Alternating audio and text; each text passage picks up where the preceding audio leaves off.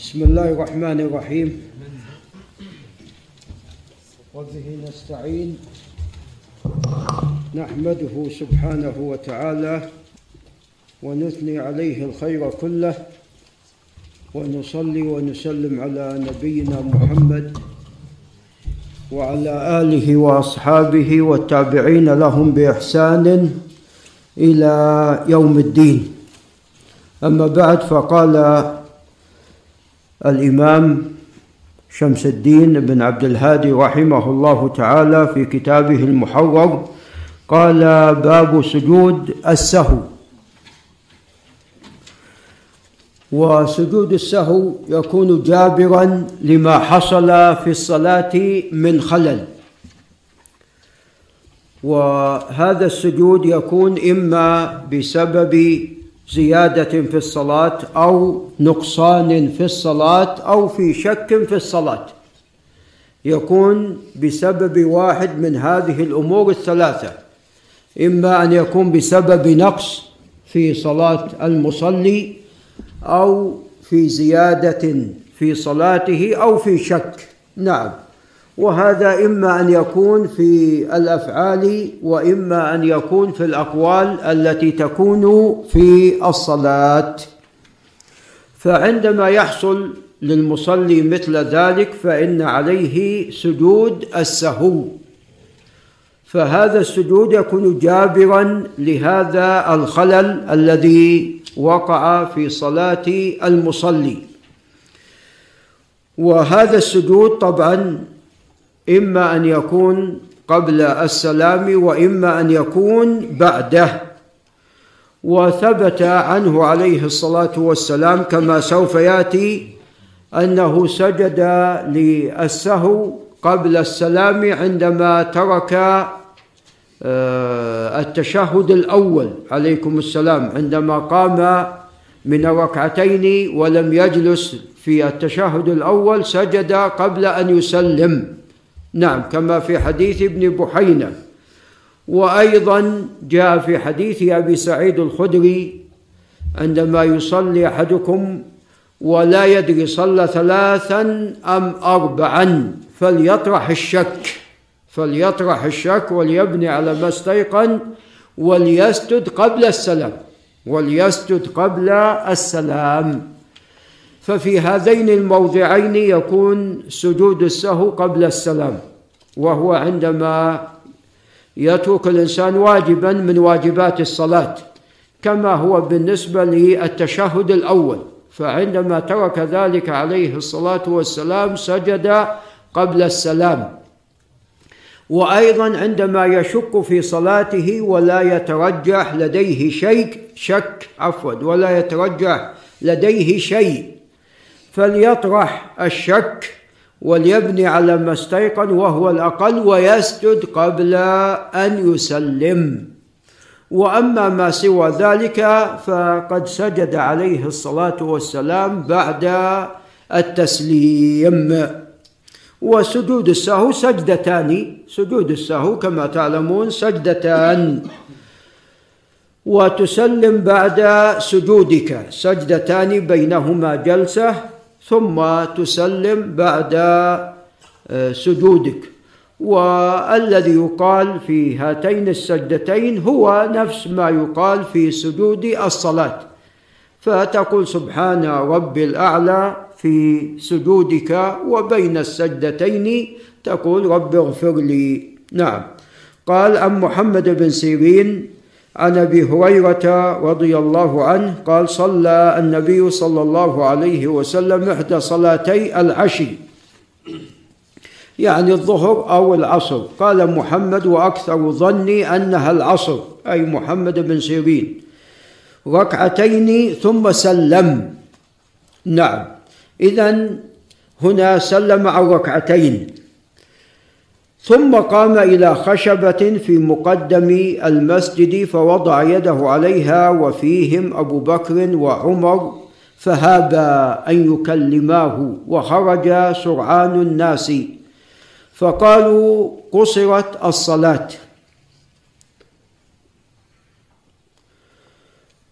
نعم ورجل يدعوه النبي صلى الله عليه وسلم ذا اليدين فقال أنسيت أم قصرت؟ فقال لم أنسى ولم تقصر. قال بلى قد نسيت. فصلى صلى الله عليه وسلم ركعتين ثم سلم ثم كبر. هنا سجد للسهو ثم كبر فسجد مثل سجوده أو أطول ثم رفع رأسه فكبر ثم وضع رأسه فكبر أي سجد فسجد مثل سجوده أو أطول ثم رفع رأسه وكبر نعم. قال متفق عليه وهذا لفظ البخاري وفي لفظ له في آخره فربما سألوه ثم سلم. في شو اللي عندكم؟ فيقول نبئت أن عمران بن حسين هذا طبعا محمد بن سيرين. محمد بن سيرين يقول نبئت أن عمران بن حسين قال ثم سلم. نعم وفي بعض روايات مسلم صلاة العصر بغير شك ورواه أبو داود وفيه فأقبل رسول الله صلى الله عليه وسلم على القوم فقال أصدق ذو اليدين فأومأوا أي نعم.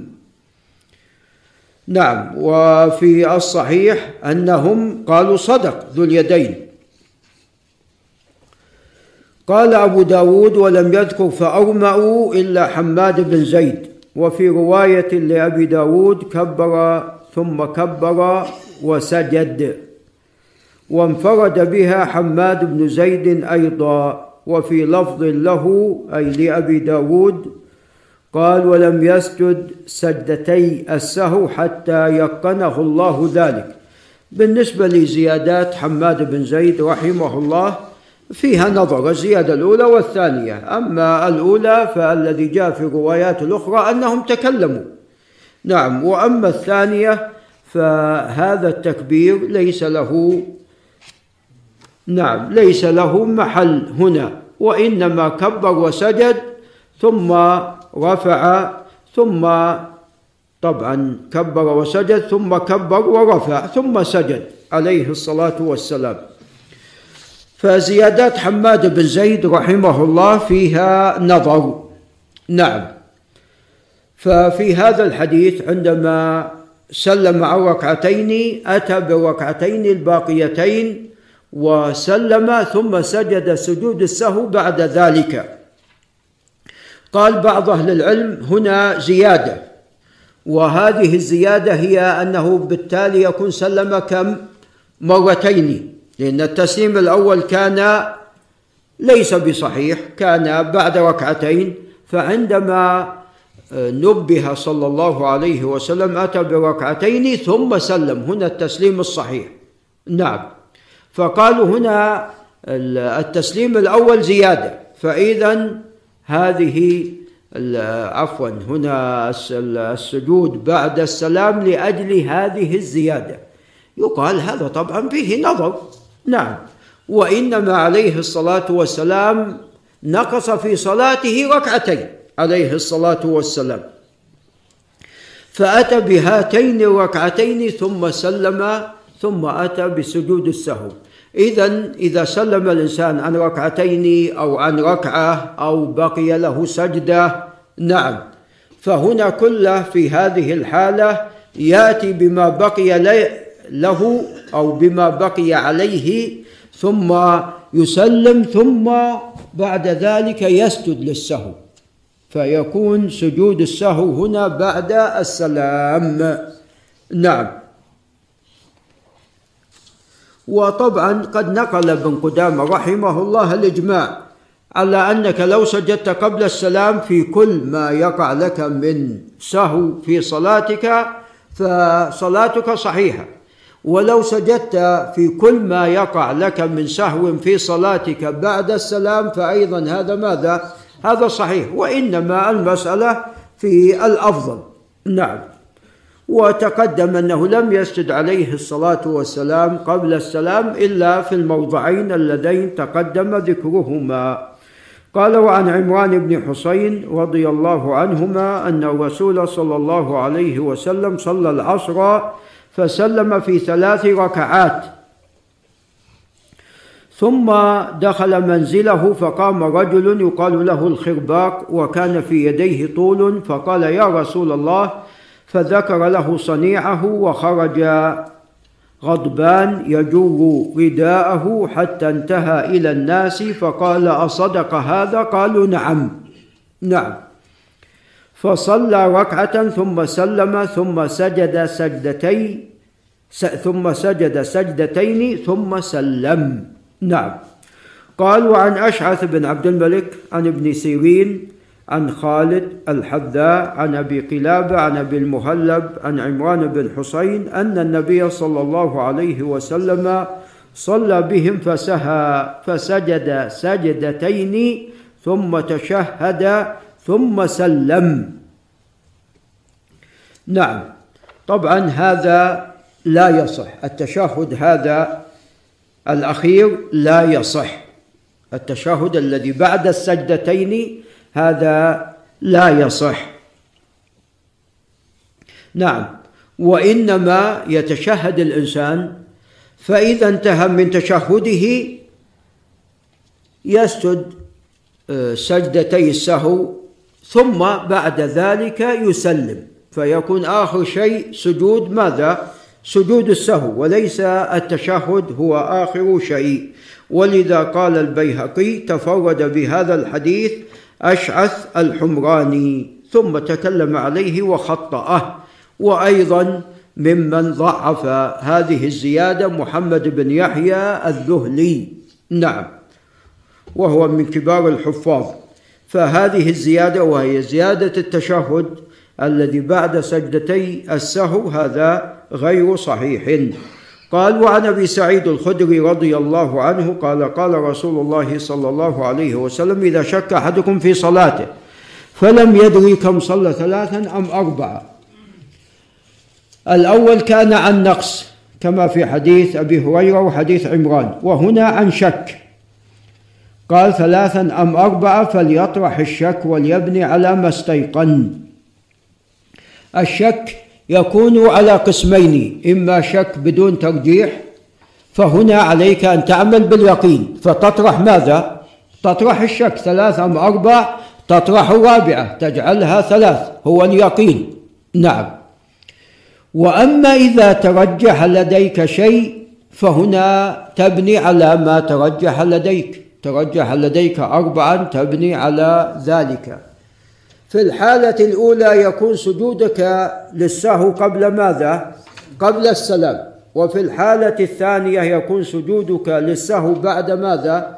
بعد السلام قال وليبني على ما استيقن ثم يسجد سجدتين قبل أن يسلم فإن كان صلى خمسا شفعنا له صلاته وإن كان صلى إتماما لأربع كانتا ترغيما للشيطان رواه مسلم قال وعن ابن عباس أن النبي صلى الله عليه وسلم سمى سجدتي السهو المرغمتين قال رواه أبو داود وابن خزيمة وابن حبان والحاكم وصححه وفي إسناده ضعف. نعم هذا الخبر لا يصح. فيه عبد الله بن كيسان وهو ليس بالقوي. قال وعن إبراهيم عن علقمة عن عبد الله بن مسعود قال صلى عليه الصلاة والسلام. قال إبراهيم زاد أو نقص هو قد زاد عليه الصلاة والسلام صلى خمسا. قيل له يا رسول الله أحدث في الصلاة شيء قال وما ذاك قالوا صليت كذا وكذا.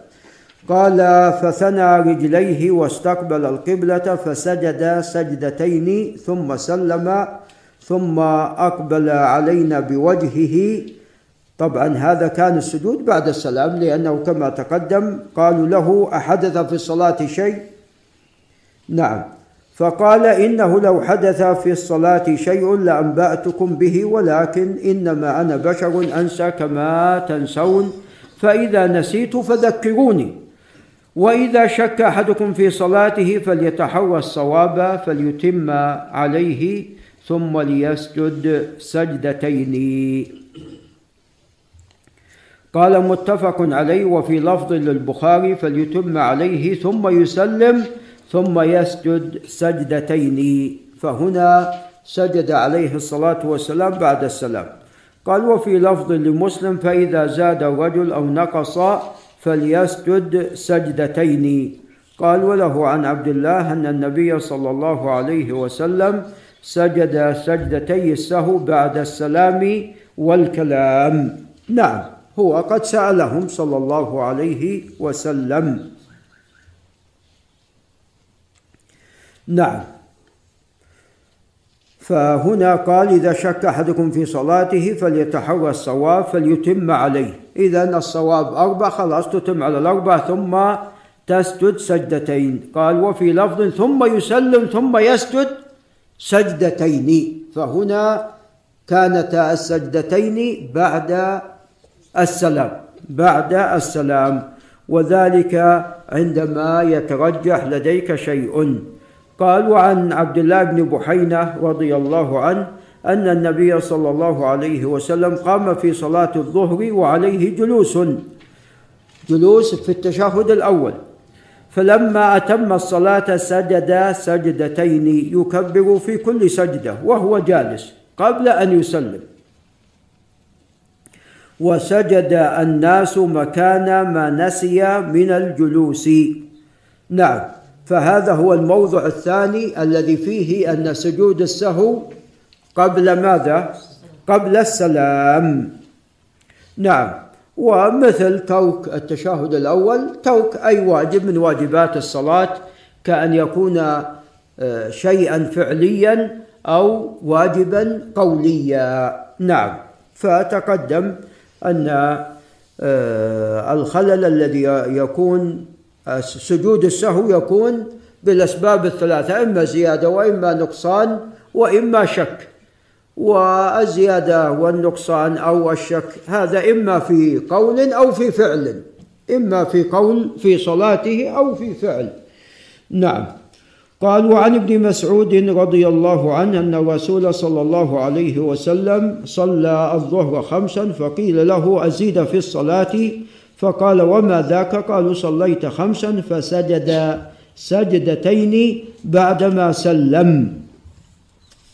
متفق عليه ولم يقل مسلم بعدما سلم. وهذه في البخاري. نعم. قال وعن عبد الله بن جعفر أن النبي صلى الله عليه وسلم قال من نسي في صلاته فليسجد سجدتين بعدما يسلم. هذا طبعا لا يصح. فيه مصعب بن شيبة وتقدم لنا الكلام في ذلك وأن مصعب رحمه الله له أوهام وأخطاء فلا يحتج به وتقدم لنا حديثان قد أخطأ فيهما وهذا حديث ثالث. قال باب صلاة التطوع. نعم الصلاة إما أن تكون فريضة وإما أن تكون واجبة وإما أن تكون تطوعا. فهي على هذه الأقسام الثلاثة. إما أن تكون فريضة وهي الصلوات الخمس لا غير كما تعلمون. وإما أن تكون واجبة كصلاة العيدين وصلاة الكسوف والخسوف على القول الراجح. فهما واجبتان نعم. وإما أن تكون الصلاة مستحبة تطوع وهو ما سوى ذلك نعم. وطبعا صلاة الجمعة لا شك أنها فريضة فهي داخلة في الصلوات الخمس. نعم. التطوع لا شك يعني أن فيه اولا فيه تكفير للسيئات. إن الحسنات يذهبن السيئات. نعم. ولذا تقدم لنا في حديث عثمان أن من توضأ نحو وضوء رسول الله صلى الله عليه وسلم ثم صلى ركعتين لا يحدث فيهما نفسه إلا غفر الله له ما تقدم من ذنبه. ففي التطوع تكفير للسيئات كما أن في التطوع رفع لدرجات العبد. نعم. ولذا عندما يخطو خطوة تكتب ل... نعم تكتب له حسنة وتمحى عنه سيئة. نعم. ففي التطوع رفع لدرجات العبد كما أن في التطوع جبران للنقص الذي يكون في عبادة الإنسان. ولذا في حديث أبي هريرة أنه ينظر للإنسان إذا كان في صلاته نقص وخلل. هل له من ماذا؟ هل له من تطوع. حتى يجبر هذا النقص. نعم. فعندنا طبعا إذا الإنسان وقع في ذنب عندنا ثلاثة أشياء. عندنا التوبة والاستغفار من هذا الذنب. عندنا الكفارات. فهناك ذنوب يقع فيها الإنسان. هناك ما يكفر ماذا؟ ما يكفر هذه الذنوب. وعندنا الجوابر وهي التطوع وأيضا نفس الشيء إذا كان في زكاة الإنسان نقص وخلل ينظر هل له من ماذا؟ من صدقة تطوع كما أيضا جاء في الحديث السابق أن أيضا أعماله الأخرى أيضا تعامل كما آه، عومل فيما يتعلق بصلاته. نعم. فالتطوع هو أيضا من الجوابر التي تجبر النقص الذي يكون في عبادة العبد. قال عن جابر بن عبد الله رضي الله عنهما قال سئل رسول الله صلى الله عليه وسلم أي الصلاة أفضل؟ قال طول القنوت.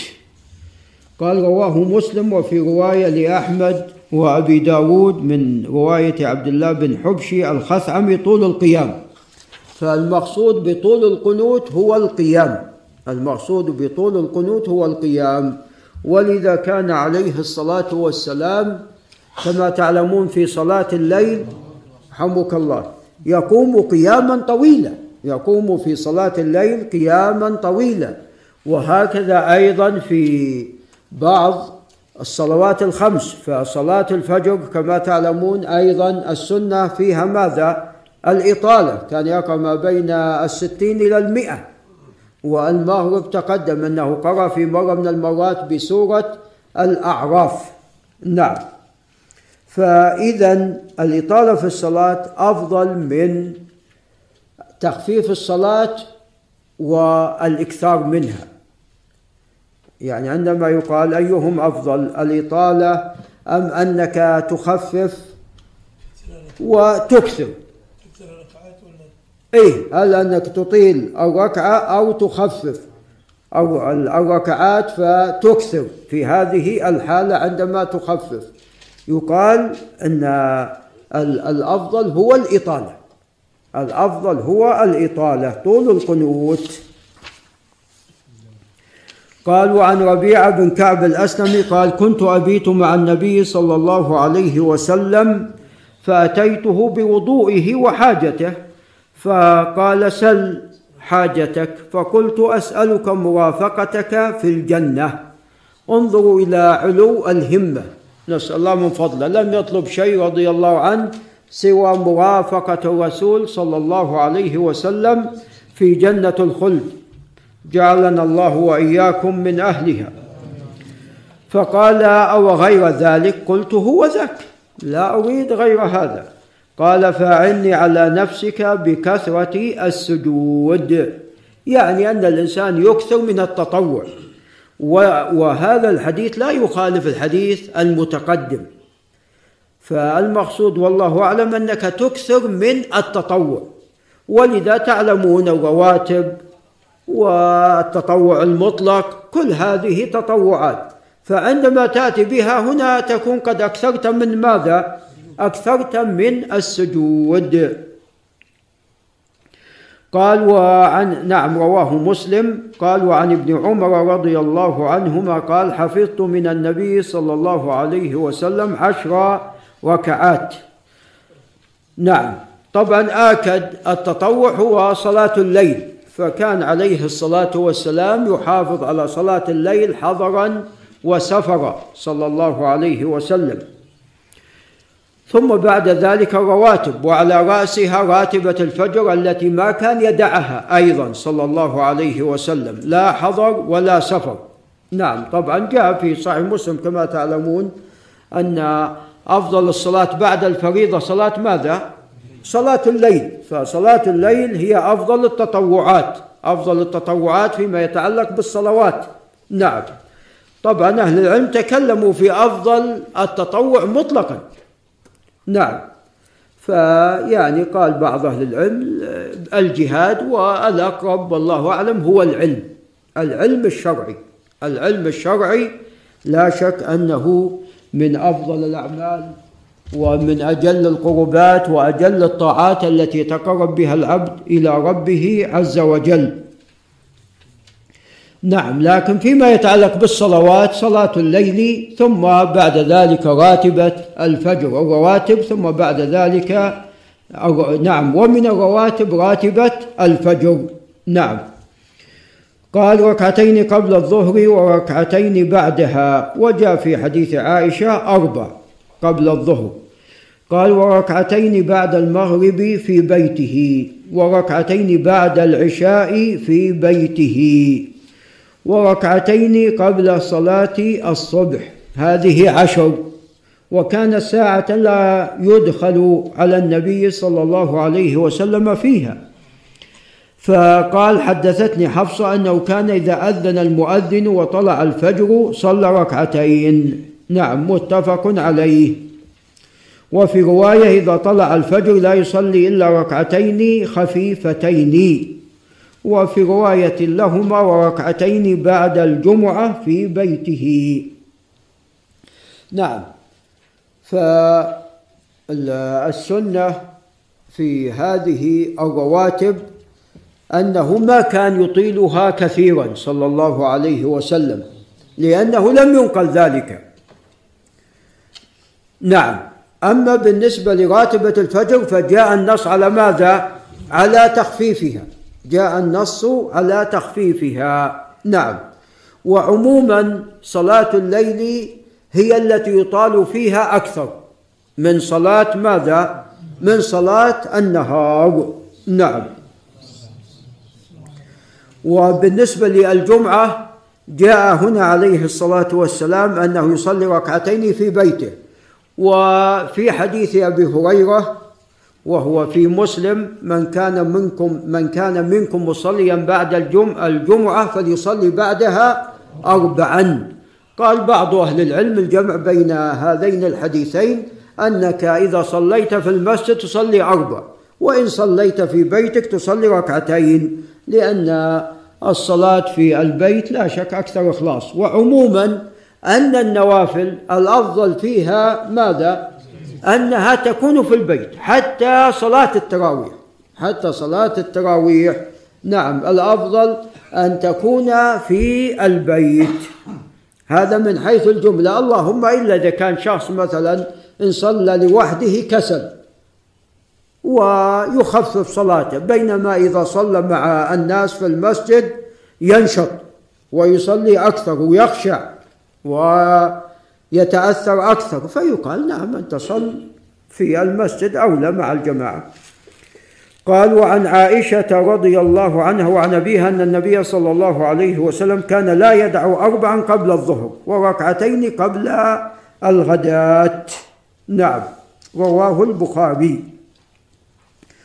وعنها قالت لم يكن النبي صلى الله عليه وسلم على شيء من النوافل أشد منه تعاهدا على ركعتي الفجر متفق عليه. وهذا يدل على أن ركعتي الفجر أفضل من باقي الرواتب. ويؤكد ذلك ما جاء في مسلم ركعتا الفجر خير من الدنيا وما فيها. ركعتا الفجر أي راتبة. خير من الدنيا وما فيها. نعم. يحكى عن الحسن البصري رحمه الله يحكى عنه أنه أوجب راتبة الفجر يحكى عنه رحمه الله. لكن لا شك أنها ليست بواجبة وإنما سنة مؤكدة. قال وعن أم حبيبة رضي الله عنها قال سمعت رسول الله صلى الله عليه وسلم يقول من صلى ثنتي عشرة ركعة في يوم وليلة بني له بهن بيت في الجنة. وفي رواية تطوعا. إذا هذه الصلوات هي تطوع وليست هي طبعا من الصلاة الفريضة أو الواجبة. قال رواه مسلم وقد رواه الترمذي وصححه والنسائي وفيه أربعا قبل الظهر وركعتين بعدها. نعم. وركعتين بعد المغرب وركعتين بعد العشاء وركعتين قبل صلاة الفجر. قال النسائي قبل الصبح وذكر ركعتين قبل العصر بدل ركعتين بعد العشاء. نعم. هذه الزيادة لا تصح. هذه الزيادة لا تصح. وقد يعني إذا بماذا تفسر الثنتي عشر ركعة؟ والله أعلم. يعني هن ثنتي عشر ركعة تطوعا سواء كانت الراتبة أو صليت الضحى 12 ركعة. تكون داخل في ماذا؟ داخل في الحديث. إن شاء الله يرجى أنك تكون داخل في الحديث. نعم. المقصود أنك تصلي ثنتي عشر ركعة في اليوم والليلة تحافظ عليها. لا تكون نعم سواء كانت الراتبة أو كانت غيرها. نعم سواء كانت راتبة أو كانت غيرها. نعم. وكلما زدت مثلا أتيت بالرواتب وصليت الضحى وأتيت بصلاة الليل كلما كان ماذا؟ كلما كان أفضل. ليس التفصيل التفصيل يعني تفسير ذلك بالرواتب. قال وعن أم حبيبة رضي الله عنها وعن أبيها قالت قال رسول الله صلى الله عليه وسلم من حافظ على أربع ركعات قبل الظهر وأربع بعدها حرمه الله على النار. قال الترمذي حسن صحيح غريب. نعم. وفي بعض النسخ أنه لم يصحح هذا الحديث. في بعض نسخ الترمذي أنه لم يصحح هذا الحديث. نعم. هذا الحديث اختلف اختلف فيه الحفاظ في صحته. هناك من صححه أو اختلف أهل العلم في صحته هناك من صححه وهناك من لم يصححه. والأقرب والله أعلم أن في صحته نظر. وكأن صنيع النسائي عندما أورد طرق وروايات هذا الحديث كأنه والله أعلم يشير إلى تعليله. وأن الصحيح في حديث أم حبيبة هو المتقدم من حافظ على ثنتي عشر ركعة في اليوم والليلة بنى الله له بيتا في الجنة. بنى الله له بيتا في الجنة. نعم. قال طبعا ولا شك من أراد أن يصلي بعد الظهر أربعا فهذا حسن ولا مو بحسن؟ هذا حسن. ولو أردت أن تصلي إلى العصر فهذا أحسن وأحسن. نعم. كلها كما جاء عن بعض السلف فكل هذا وقت للتطوع. قال وعن عاصم بن ضمرة عن علي رضي الله تعالى عنه قال كان النبي صلى الله عليه وسلم يصلي قبل العصر أربع ركعات يفصل بينهن بالتسليم على الملائكة المقربين ومن تبعهم من المسلمين والمؤمنين. المقصود والله أعلم بهذا هو التشهد. السلام عليك أيها النبي ورحمة الله وبركاته. السلام علينا وعلى عباد الله الصالحين. السلام علينا وعلى عباد الله الصالحين.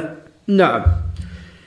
وليس المقصود التسليم المعروف وذلك لأنه قال أربع ركعات. يصلي أربع ركعات يفصل بينهن أي بالتشهد أي بالتشهد. نعم. وطبعا جاء زيادة عند النسائي ويجعل التسليم في آخرهن. جاء زيادة جاء الزيادة أنه يجعل عليه الصلاة والتسليم التسليم في آخرهن. نعم. قال رواه أحمد والترمذي وحسنه. ما صححه الترمذي؟ الترمذي ذكر في أكثر من موضع. يا طارق لعلك السكر. ذكره في أكثر من موضع ولم يصححه أبو عيسى الترمذي. نعم. وتكلم فيه أيضا غيره. تكلم في هذا الحديث أيضا الجوزجاني وابن تيمية وابن القيم. أيضا كلهم قد تكلموا في هذا الحديث. وظاهر كلام إسحاق بن راهوية أنه يقويه. ظاهر كلام إسحاق بن راهوية أنه يقوي هذا الحديث وهذا الحديث في نفسي منه شيء. هذا الحديث في نفسي منه شيء. أنا في قراءتنا للترمذي قد قويت ماذا؟ قد قويت هذا الحديث وفي الحقيقة في النفس منه شيء. وإن كان هناك علة في الخبر فهو عاصم بن ضمرة. قال يعني كما ذكر أنه وثق أحمد بن المديني وابن خزيمة وتكلم فيه غير واحد من الأئمة. نعم. فهناك من قواه وهناك من تكلم فيه وفي الحقيقة أنه في النفس من هذا الخبر شيء لأنه ذكر يعني ذكر سياق في تطوعه صلى الله عليه وسلم تفرد به تفرد به وبهذا رده الجوزجاني بهذا رده الجوزجاني. نعم. بغرابته وأن عاصم بن ضمرة تفرد بهذا السياق من التطوعات وفيها أنه كان عليه الصلاة والسلام يتطوع بستة عشر ركعة. بستة عشر ركعة. نعم. قال وعن ابن عمر رضي الله عنهما قال قال رسول الله صلى الله عليه وسلم رحم الله امرأ صلى أربعا قبل العصر. هذا الخبر لا يصح. هذا الخبر لا يصح.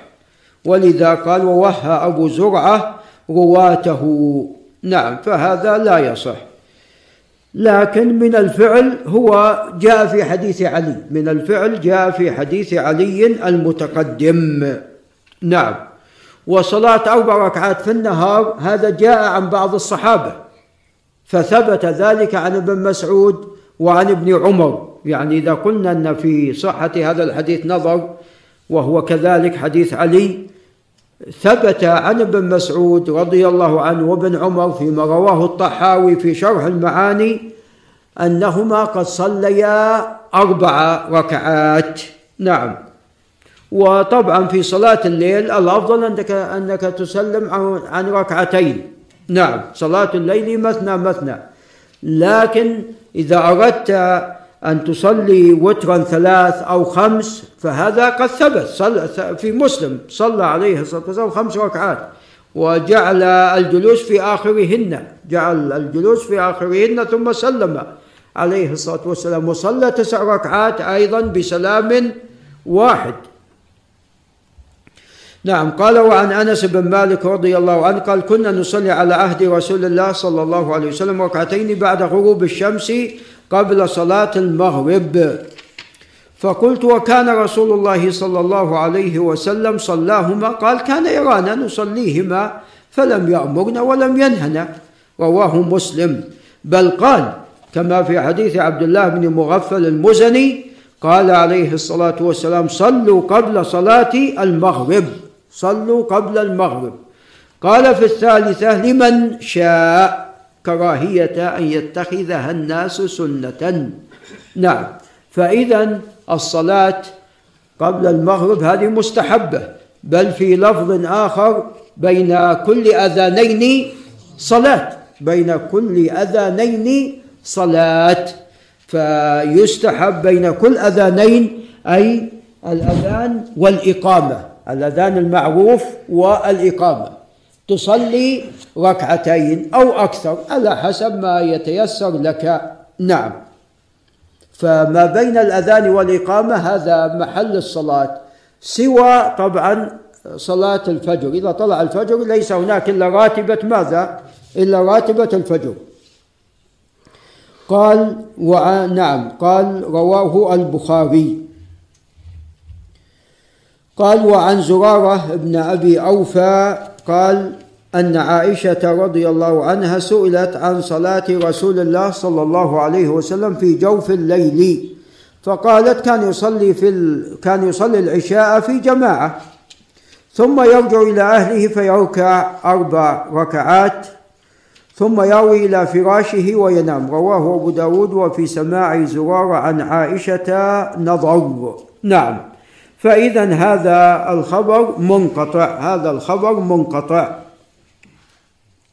والغالب أن في صلاته لليل صلى الله عليه وسلم أنه كان يسردها أنه كان يسردها. نعم. يعني لا بأس أنك تصلي ركعتين أو أربع ثم تنام ثم ماذا؟ ثم تستيقظ وتصلي ماذا؟ تصلي أيضا ما يتيسر لك. يعني لا بأس أن تقسم صلاة الليل. والغالب على رسول الله عليه الصلاة والسلام أنه كان يسرد صلاة الليل. يعني يصليها كلها مرة واحدة. طبعا جاء في مسلم أنه يعني صلى ركعتين أو أكثر ثم نام ثم صلى نعم لكن الغالب أنه عليه الصلاة والسلام كان يسردها. لا لا لا مو الوتر إحنا يعني صلاة الليل. مثلا صليت؟ أربع. أنت السنة تصلي 11 السنة 11 ركعة في الليل. فقسمتها قسمين أو ثلاث. صليت مثلا أربع ثم صليت بعدين أربع ثم بعدين انتظرت ثم أوترت. لو قسمتها لا بأس. لكن الوتر مرة واحدة الوتر مرة واحدة لا وتران في ليلة. إن أوترت أول الليل ثم استيقظت وأردت أن تصلي هنا صلي شفع. الوتر قد فعلته. نعم فتصلي شفع. قال وعن أبي قال وعنها قالت كان رسول الله صلى الله عليه وسلم يخفف ركعتين اللتين قبل صلاة الصبح حتى إني أقول هل قرأ بأم الكتاب أم لا. متفق عليه. وهذا التخفيف ترى أيضا قد يكون نسبي. هذا التخفيف أيضا ينبغي أن يلاحظ أو لعل يلاحظ أنه قد يكون نسبي بالنسبة لباقي صلاته عليه الصلاة والسلام. لأني رأيت من يستعجل عجلة شديدة. من يستعجل رأيت من يستعجل عجلة شديدة. نعم. المهم يعني بالنسبة ركعتي الفجر لا يطيل فيهما العبد أو المصلي. ولذا في حديث أبي هريرة أن الرسول صلى الله عليه وسلم قرأ في ركعتي الفجر قل يا أيها الكافرون وقل هو الله أحد. وهذا تخفيف. نعم. وفي حديث ابن عباس أن الرسول صلى الله عليه وسلم كان يقرأ في ركعتي الفجر في الأولى منهما قولوا آمنا بالله وما أنزل إلينا الآية التي في البقرة. وفي الآخرة منهما آمنا بالله واشهد بأننا مسلمون. رواهما مسلم. فهذا تخفيف القراءة كانت خفيفة. وعن عائشة قالت كان النبي صلى الله عليه وسلم إذا صلى ركعتي الفجر اضطجع على شقه الأيمن. وهذا الاضطجاع والله أعلم لمن كان يصلي فيطيل لمن كان يصلي فيطيل ويجعل صلاته في الليل في وقت السحر. فهنا يحتاج إذا صلى وأطال وأوتر قبيل الفجر هنا يحتاج إلى ماذا؟ يحتاج إلى راحة. فإذا صلى فإذا طلع الفجر صلى ركعتين اضطجع يرتاح استعدادا للفريضة. وأما شخص قد نام وشبع من النوم ثم يعني جاء للمسجد وصلى ركعتين وهو شبعان من النوم ما يقال أنت اضطجع الآن. نعم لأن يعني ما يحتاج إلى هذا الاضطجاع في هذه الحالة. قال وعن أبي هريرة ولذا جاء في بعض الروايات قال إذا كنت إذا كنت مستيقظة تقول عائشة كلمني. نعم. فهذا يدل على أنه يعني كان أحيانا ما يضطجع يتكلم أو قد يعني يتكلم وهو مضطجع ممكن عليه الصلاة والسلام. قال وعن ابي هريره قال قال رسول الله صلى الله عليه وسلم إذا صلى أحدكم ركعتين قبل صلاة الصبح فليضطجع على جنبه الأيمن. هذا طبعا لا يصح الخبر. قال تكلم فيه أحمد والبيهقي وغيرهما وصححوا فعله إنما هو من فعله لا من قوله. وهذا الحديث مما أنكر على عبد الواحد بن زياد أنكر عليه. فهو فيما يظهر قد أخطأ فيه. نعم طبعا ذهب بعض أهل العلم إلى صحته بل ابن حزم كان يأمر به ويقول أن من لم يضطجع صلاة ماذا؟ لا تصح. وهذا طبعا لا شك غير صحيح. قال وعن ابن عمر أن رجلا سأل النبي صلى الله عليه وسلم عن صلاة الليل فقال عليه الصلاة والسلام صلاة الليل مثنى مثنى فإذا خشي أحدكم الصبح صلى ركعة واحدة توتر له ما قد صلى. متفق عليه.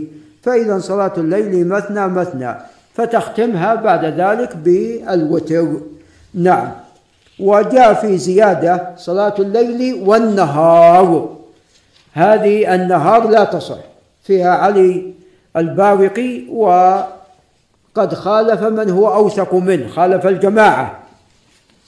فزيادته لا تصح. نعم. والكلام لا يستقيم. صلاة الليل مثنى فإذا صلاة الليل والنهار مثنى مثنى فإذا خشي أحدكم الصبح نعم ما يستقيم. نعم. قال وعنه رضي الله عنه عن النبي صلى الله عليه وسلم إي نعم ذكر رواية علي البارقي هذه نعم لا تصح كما تقدم. نعم قال النسائي وهذا الحديث عندي خطأ. نعم هو ذكر بارك الله فيكم ذكر نعم حديث ابن عمر. نعم وهذه التي فيه الزيادة التي تقدم ذكرها ولا تصح. نعم. وقد جاء عن ابن عمر من غير طريقة موقوف عليه. جاء والله أعلم من غير طريق علي البارقي موقوف على ابن عمر. نعم. إيه بهذه الزيادة موقوف من فعله. من فعله. وقد ثبت هذا عند الطحاوي. ثبت عند الطحاوي أن ابن مسعود وابن عمر كان يصليان يصليان أربعا متصلة. كان يصليان أربعا متصلة. نعم. وأما في الحديث فهذا في الحديث المرفوع فهذا لا يصح وإنما الصواب صلاة الليل مثنى مثنى. قال وعن أبي هريرة رضي الله عنه قال قال رسول الله صلى الله عليه وسلم أفضل الصيام بعد رمضان شهر الله المحرم وأفضل الصلاة بعد الفريضة صلاة الليل رواه مسلم. ورواه النسائي من رواية شعبة مرسلا. وطبعا الإمام مسلم قد صحح الوصل. فأفضل الصيام بعد رمضان صيام شهر الله المحرم. نعم. وأفضل الصلاة بعد الفريضة هي صلاة الليل وذهب بعض أهل العلم إلى أن في الصيام الأفضل شعبان لأنه عليه الصلاة والسلام كان يكثر من الصيام في شعبان. نعم. قال وعن زيد بن خالد الجهني رضي الله عنه أنه قال لأرمقن صلاة رسول الله صلى الله عليه وسلم الليلة فصلى ركعتين خفيفتين نعم. ثم صلى ركعتين طويلتين. طبعا فائدة صلاة ركعتين خفيفتين في مفتتح الصلاة أن يكون هذا أيسر أنشط لك أيسر لك. لو كان الإنسان بيطيل بأول ركعتين وبيصلي 11 يقول نعم يعني هذا قد يعني يصاب بالكسل في هذه الحالة. لكن صلى ركعتين خفيفتين ثم ركعتين قال الآن أنا الآن في الأربع ركعات ما بقي إلا النصف تقريبا فينشط. نعم. ولذا هذا ينبغي أن يلاحظ يعني ينبغي على الأئمة أن يفتتحون صلاة الليل يعني المقصود في رمضان في التراويح بركعتين خفيفتين حتى ينشطون الناس في الاستمرار في ماذا؟ في الصلاة معهم إلى أن يسلموا. نعم. قال ثم صلى ركعتين طويلتين طويلتين طويلتين ثم صلى ركعتين وهما دون الركعتين اللتين قبلهما ثم صلى ركعتين وهما دون اللتين قبلهما ثم صلى ركعتين وهما دون اللتين قبلهما ثم صلى ركعتين وهما دون اللتين قبلهما ثم أوترا فذلك ثلاث عشرة ركعة. أكثر ما جاء عنه عليه الصلاة والسلام من صلاة الليل ما جاء في حديث زيد بن خالد ثلاثة عشر ركعة وهذا يدل على على أن من منع من الزيادة على 11 ركعة أن هذا غلط هذا غلط. فصلاة الليل إما أن تصلي 11 أو 13 أو أكثر. لأن قد قال عليه الصلاة والسلام صلاة الليل ماذا؟ مثنى مثنى. وقبل ذلك الله عز وجل يقول قم الليل إلا قليلا نصفه أو انقص منه قليلا أو زد عليه. نعم. فالليل مفتوح للصلاة. الليل مفتوح للصلاة. ولذا جاء عن الصحابة وجاء عن السلف أنهم كانوا يصلون أكثر من 11 ركعة. طبعا لا شك الذي داوم عليه في الغالب الذي في الغالب كان يفعله صلى الله عليه وسلم هو 11 ركعة. فإن وافق فعلك فعل رسول الله عليه الصلاة والسلام كما وكيف كما وكيف. فهذا هو أفضل ماذا؟ هو هذا أفضل شيء. إن وافق فعلك كما وكيف. ليس واحد يقول أنا بصلي 11 ركعة ويصليها بنص ساعة مثلا. ويقول أنا الذي يصلي بساعتين مثلا هذا أفضل. حتى لو صلى عشرين ركعة هذا أفضل.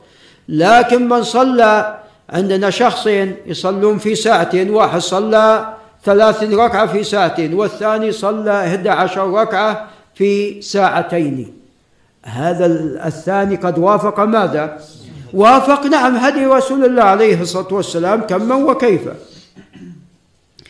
قال وعن ابن عباس كان رسول الله صلى الله عليه وسلم يتهجد كان إذا قام من الليل يتهجد قال اللهم لك الحمد أنت قيم السماوات والأرض ومن فيهن. كان يفتتح دعاء يفتتح صلاته بهذا الدعاء العظيم. ولك الحمد لك ملك السماوات والأرض ومن فيهن ولك الحمد أنت نور السماوات والأرض ولك الحمد. نعم. طبعا الحمد أفضل من التسبيح. الحمد أفضل من قولك سبحان الله سبحان الله. تحمد الله أفضل من قولك تسبح الله. نعم. لأن الحمد إثبات صفات الكمال لله عز وجل. والتسبيح تنزيه. والتسبيح تنزيه. كلاهما عمل كلاهما نعم ذكر عظيم. لكن المقصود بس يعني أيهما أفضل. نعم. قال ومن فيهن ولك الحمد أنت نور السماوات والأرض ولك الحمد أنت ملك السماوات والأرض ولك الحمد أنت الحق ووعدك الحق ولقاؤك حق وقولك حق والجنة حق والنار حق والنبيون حق ومحمد حق والساعة حق والساعة حق. اللهم لك أسلمت وبك آمنت وعليك توكلت وإليك أنبت وبك خاصمت وإليك حاكمت. فاغفر لي ما قدمت وما أخرت. هنا جاء الدعاء. فالدعاء جاء بعد ماذا؟ بعد ثناء وتعظيم وتمجيد لله. فهذه هي السنة. ادع بعد التمجيد والتعظيم لله وبعد الصلاة على رسول الله عليه الصلاة والسلام. وما أسررت وما أعلنت أنت المقدم وأنت المؤخر لا إله إلا أنت ولا إله غيرك. قال سفيان وزاد عبد الكريم أبو أمية ولا حول ولا قوة إلا بالله. نعم. طبعا عبد الكريم أبو أمية لا يحتج به. نعم. قال وعن أم سلمة رضي الله عنها أن النبي صلى الله عليه وسلم طبعا البخاري ما قصده يخرج له. البخاري ليس لي لم يكن من قصده أن يخرج لعبد الكريم بن أبي أمية ولكن وقع في الإسناد. قال وعن أم سلمة أن النبي صلى الله عليه وسلم استيقظ ليلة فقال سبحان الله ماذا أنزل الليلة الليلة من الفتن؟ ماذا أنزل من الخزائن؟ من يوقظ صواحب الحجرات؟ يا نعم رب كاسية في الدنيا عارية في الآخرة. نعم. اذا هذا فيه الحث على قيام الليل والصلاه في الليل. نعم وأن الصلاة لا شك أنها خير موضوع.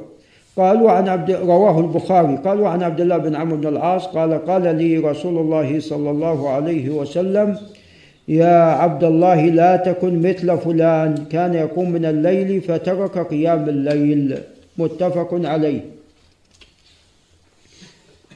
وقال نعم قال وعن عاصم بن ضمر عن علي بن أبي طالب رضي الله عنه قال قال رسول الله صلى الله عليه وسلم يا أهل القرآن أوتروا ف فإن الله وتر يحب الوتر. نعم.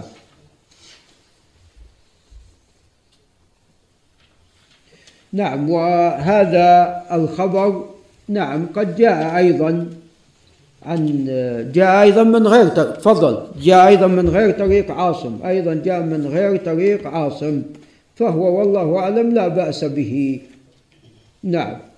ثم قال وعن حجاج بن ارطاط عن عمرو بن شعيب عن ابي عن جده رفعه إن الله قد زادكم صلاة وهي الوتر. نعم. وحجاج لا يحتج به. ولم يسمعه أيضا تفضل. لم يسمعه أيضا من من عبد الله من عفوا لم يسمعه من عمرو بن شعيب فهو لا يصح. وعن أبي سعيد الخدري قال عليه الصلاة والسلام إن الله عز وجل زادكم صلاة إلى صلاتكم هي خير لكم من حمر النعم. ألا وهي ركعتان قبل الفجر. رواه البيهقي بإسناد صحيح. نعم.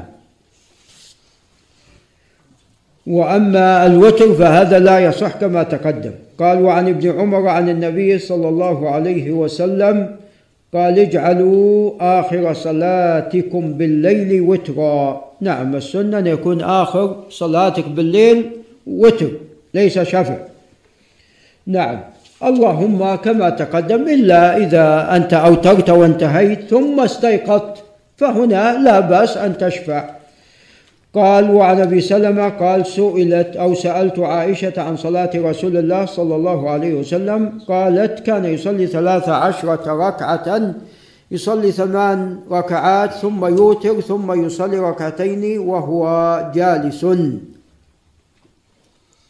فإذا أراد أن يركع قام فركع ثم يصلي ركعتين بين النداء والإقامة من صلاة الصبح. هنا ركعتا الفجر داخلة داخلة في الثلاثة عشر. لأن عائشة قد قالت ما زاد عليه الصلاة والسلام لا في رمضان ولا في غيره على إحدى عشر ركعة. نعم. وعن مسروق نعم.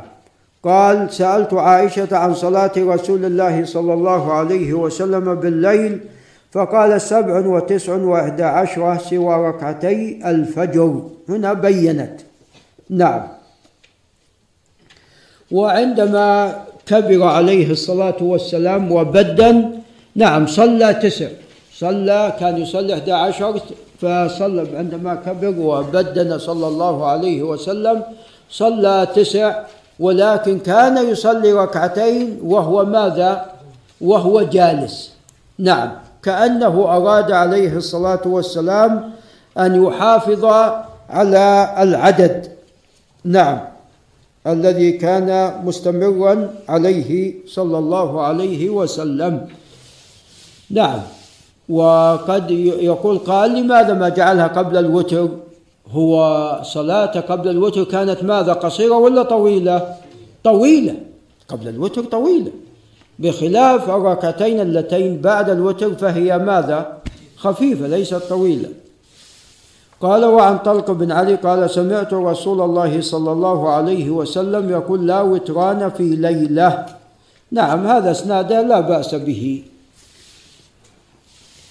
قال وعن أبي بن كعب رضي الله عنه قال كان رسول الله صلى الله عليه وسلم يوتر بسبح اسم ربك الأعلى وقل يا أيها الكافرون وقل هو الله أحد.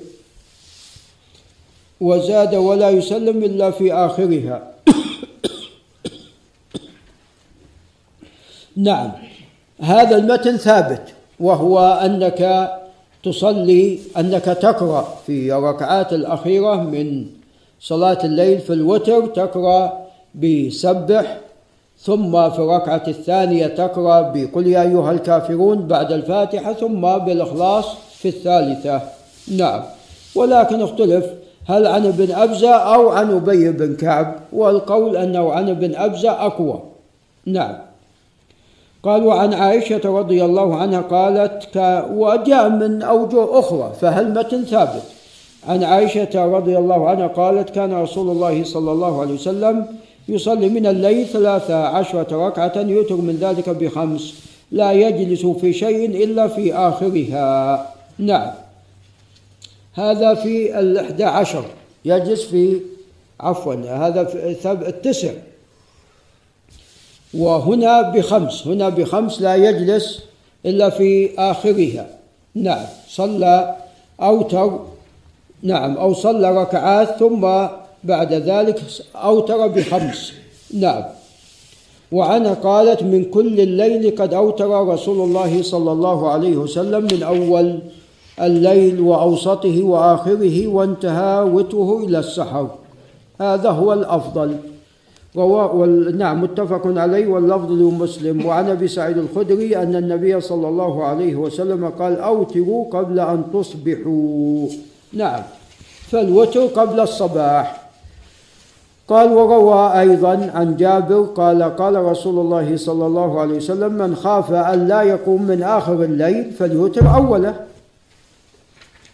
ومن طمع أن يقوم آخره فليوتر آخره فإن صلاة آخر الليل مشهودة وذلك أفضل وهو وقت نزول الله عز وجل.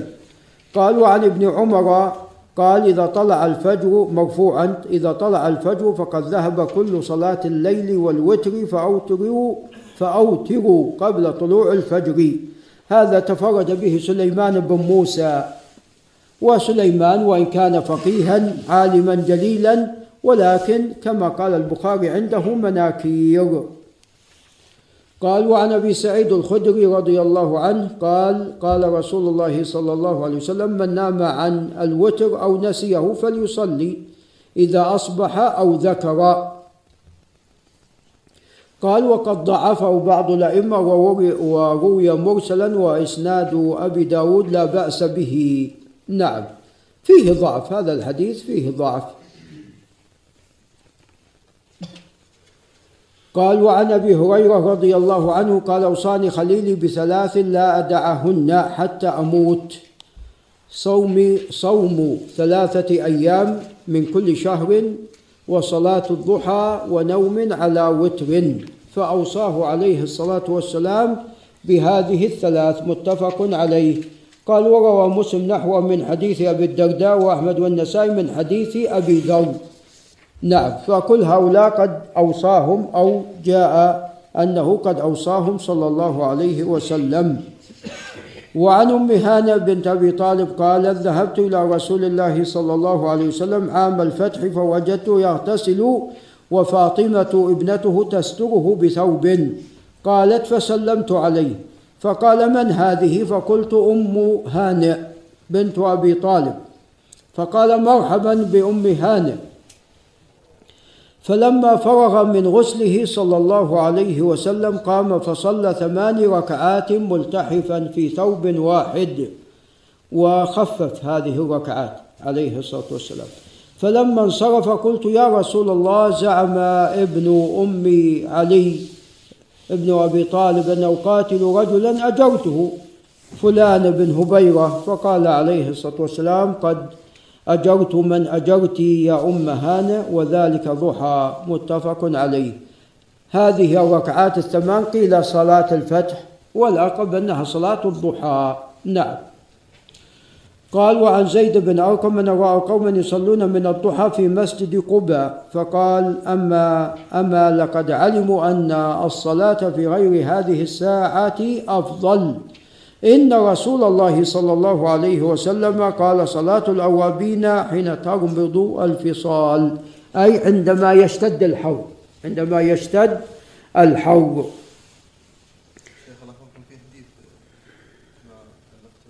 نعم وما هو حديث ابي سعيد من من من ادرك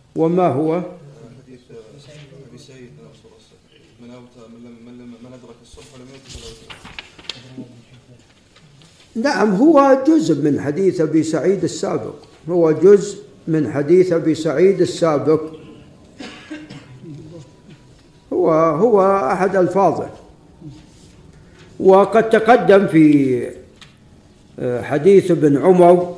نعم حديث أبي سعيد السابق الذي رواه مسلم. نعم. اوتروا قبل أن تصبحوا هذا الصحيح. اوتروا قبل ماذا؟ قبل أن تصبحوا هذا هو الصحيح.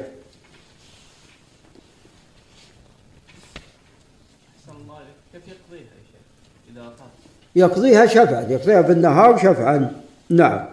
قال وروى عن عائشة نعم. قالت كان رسول الله صلى الله عليه وسلم يصلي الضحى أربعا ويزيد ما شاء الله. أي روى مسلم. وهذا بعض الأحيان عليه الصلاة والسلام. كما جاء في حديث أم هانة عندما صلى ثمان ركعات ضحى في في آه، فتح مكة. قال وله عن أي لمسلم عن عبد الله بن شقيق قال قلت لعائشة هل كان النبي صلى الله عليه وسلم يصلي الضحى؟ قالت لا إلا أن يجيء من مغيبه. نعم ولكن هو قد أوصى عليه الصلاة والسلام بماذا؟ بصلاة الضحى. نعم. وعن عائشة قالت ما رأيت رسول الله صلى الله عليه وسلم يصلي سبحة الضحى قط وإني لأسبحها. وإن كان هنا بينت وإن كان رسول الله صلى الله عليه وسلم لا يدع العمل وهو يحب أن يعمل به خشية أن يعمل به الناس فيفرض عليهم. نعم. نعم. من نسي وتره وتذكره في اليوم الثاني في المساء. والحديث كيف يقضي؟ خلاص هذا انتهى. انتهى. يصلي يصلي وتر هالليلة يصلي وتر هالليلة يا أخوان لعل تكون الأسئلة بعدين حتى نحاول أن ننتهي. لا نشق على أبي سليمان. قال وعن مورق أي العجلي قال قلت لابن عمر أتصلي الضحى قال لا. قلت فعمر قال لا. قلت فأبو بكر قال لا. قلت فالنبي صلى الله عليه وسلم قال لا إخاله. رواه البخاري. طبعا ثبت أن الرسول عليه الصلاة والسلام كان يصلي أحيانا صلاة الضحى وقد أوصى بها أوصى بها أبو هريرة كما تقدم وأوصى أبو الدرداء وأوصى أبو ذر نعم. قال وعن جابر رضي الله عنهما قال كان رسول الله صلى الله عليه وسلم يعلمنا الاستخارة في الأمور كلها كما يعلمنا السورة من القرآن. يقول إذا هم أحدكم بالأمر فليركع ركعتين من غير الفريضة. طبعا بينت يعني أو أو يتبين من باقي النصوص الأمور على ثلاثة أقسام. أمر خير وأمر خير لا شك فيه. هل فيه استخارة؟ ما فيه استخارة. وأمر شر أعوذ بالله هذا أيضا ليس فيه استخارة في تركه وإنما عندك أمر بين هذا وذاك. يعني مثلا الزواج ليس في أصل الزواج. الزواج مستحب خير. تزوج. لكن الاستخارة في ماذا؟ في اختيار الزوجة. الاستخارة في هذه المرأة. الاستخارة في هذه المرأة. مثلا أنت بتحج تستخير في تخرج في اليوم الفلاني مثلا ترددت ولا مو في الحج أو فيها الصحبة الفلانية مع الشيخ حسن ولا مع فلان. هنا يعني أنت متردد هنا ممكن أنك تستخير. وأما في أصل الحج أو في العمرة هذا عمل قد جاءت النصوص بالحث عليه. فالاستخارة تكون في الأمور بالذات الدنيوية التي الإنسان ما ما يدري ما العاقبة فيها. أنت بتدخل في تجارة مثل الشيخ إسلام فهنا نعم تستخير.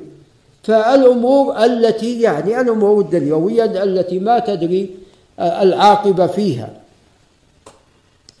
نعم. قال فليركع ركعتين من غير الفريضة إذا هاتين ركعتين خاصة بصلاة الاستخارة. ثم ليقول اللهم إني أستخيرك بعلمك وأستقدرك بقدرتك وأسألك من فضلك العظيم فإنك تقدر ولا أقدر وتعلم ولا أعلم وأنت علام الغيوب. اللهم إن كنت تعلم أن هذا الأمر خير لي في ديني ومعاشي وعاقبة أمري أو عاجل أمري وآجله فاقدره لي ويسره لي ثم بارك لي فيه وإن كنت تعلم أن هذا الأمر شر لي في ديني ومعاشي. وعاقبة أمري أو قال عاجل أمري وآجله فاصرفه عني واصرفني عنه واقدر لي الخير حيث كان ثم ردني به ويسمي حاجته. نعم. التي استخار من أجلها. نعم. وحتى لو أن الإنسان اضطر إلى أن يستخير حتى في وقت النهي لأن هذه صلاة لها ماذا؟ صلاة لها سبب يعني في أمر لا يمكن تأخيره. نعم. ثم قال باب سجود التلاوة والشكر نعم.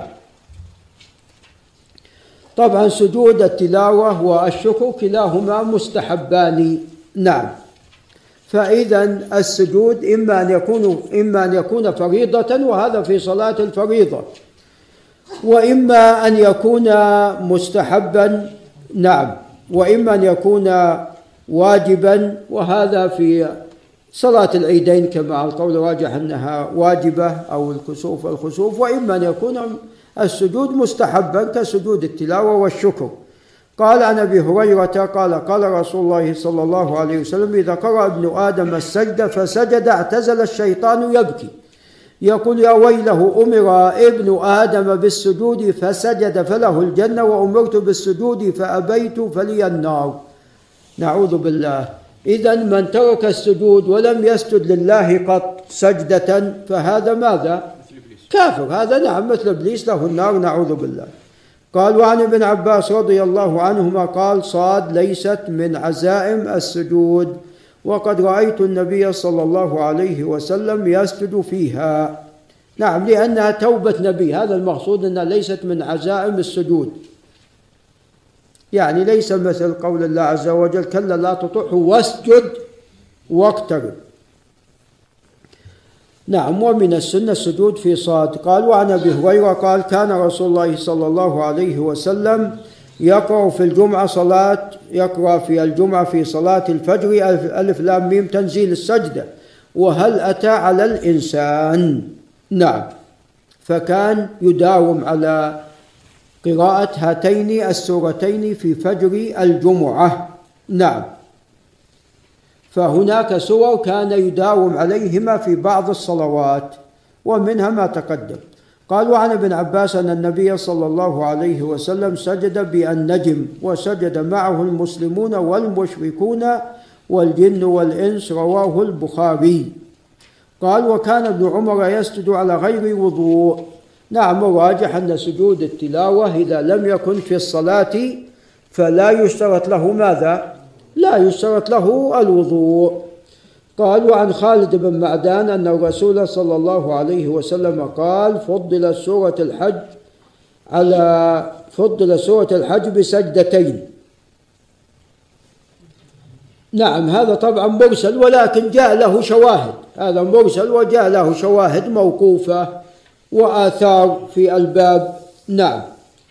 قال وعن عطاء بن مينا عن أبي هريرة قال سجدنا مع النبي صلى الله عليه وسلم في السماء إذا انشقت وإقرأ باسم ربك. نعم رواه مسلم. والله هو يعني هو ما جاء استقبال القبلة لكن الأصل في السجود يكون إلى أين؟ يكون إلى القبلة. الأصل في السجود يكون إلى القبلة. نعم أنت بارك الله فيك مسافر وتقرأ فهنا أسجد حيثما كنت متوجها مثل ما جاء في صلاة النافلة. كان يصلي عليه الصلاة والسلام حيثما توجهت به دابته. نعم وأما إذا كنت أنت يعني في الحضر وتصلي وأنت يعني عفوا تقرأ وأنت جالس أو فتتوجه للقبلة. نعم وعن علي رضي الله عنه قال أنا أتعجب ممن حدثني لا يسجد في المفصل. طبعا ثبت كما تقدم في حديث أبي هريرة السجود في المفصل. فخطأ عدم السجود في المفصل. قال وعن البراء بن عازب رضي الله عنه قال بعث النبي صلى الله عليه وسلم خالد بن الوليد إلى أهل اليمن يدعوهم إلى الإسلام فلم يجيبوه. ثم بعث علي بن أبي طالب وامره أن يقفل خالدا ومن كان معه إلا رجل ممن كان مع خالد أحب أن يعقب مع علي فليعقب معه يعني من أحب أن يرجع مع خالد يقفلون ليرجعوا إلا من أحب أن يبقى مع علي. قال فكنت ممن عقب معه فلما دنونا عقب معه فلما دنونا من القوم خرجوا إلينا فصلى بنا علي وصفنا صفا واحدا ثم تقدم بين أيدينا فقرأ عليهم كتاب رسول الله صلى الله عليه وسلم. قال فأسلمت همدان جميعا. قبيلة همدان من الكبائر من القبائل الكبيرة هناك. نعم. ولذا جاء عن علي قال لو كنت بوابا على باب الجنة لقلت لهمدان ادخل الجنة بسلام. قال فكتب علي إلى رسول الله صلى الله عليه وسلم بإسلامهم فلما قرأ رسول الله صلى الله عليه وسلم الكتاب خر ساجدا ثم رفع رأسه فقال السلام على همدان السلام على همدان. قال رواه البيهقي وقال أخرج البخاري صدر هذا الحديث ولم يسقه بتمامه. وسجود الشكر في تمام الحديث صحيح على شرطه. نعم فهذا خبر ثابت. نعم ثم ذكر عن أبي عون الثقفي عن رجل لم يسمه أن أبا بكر رضي الله عنه لما أتاه فتح اليمامه سجد. هذا فيه الرجل الذي لم يسمى قال صلاة الجماعة. صلاة الجماعة طبعا واجبة على الرجال. نعم. وجاءت الأدلة الكثيرة التي تدل على ذلك. فابتدأ المصنف في فضلها. ففي حديث ابن عمر أنها تفضل بسبع وعشرين درجة.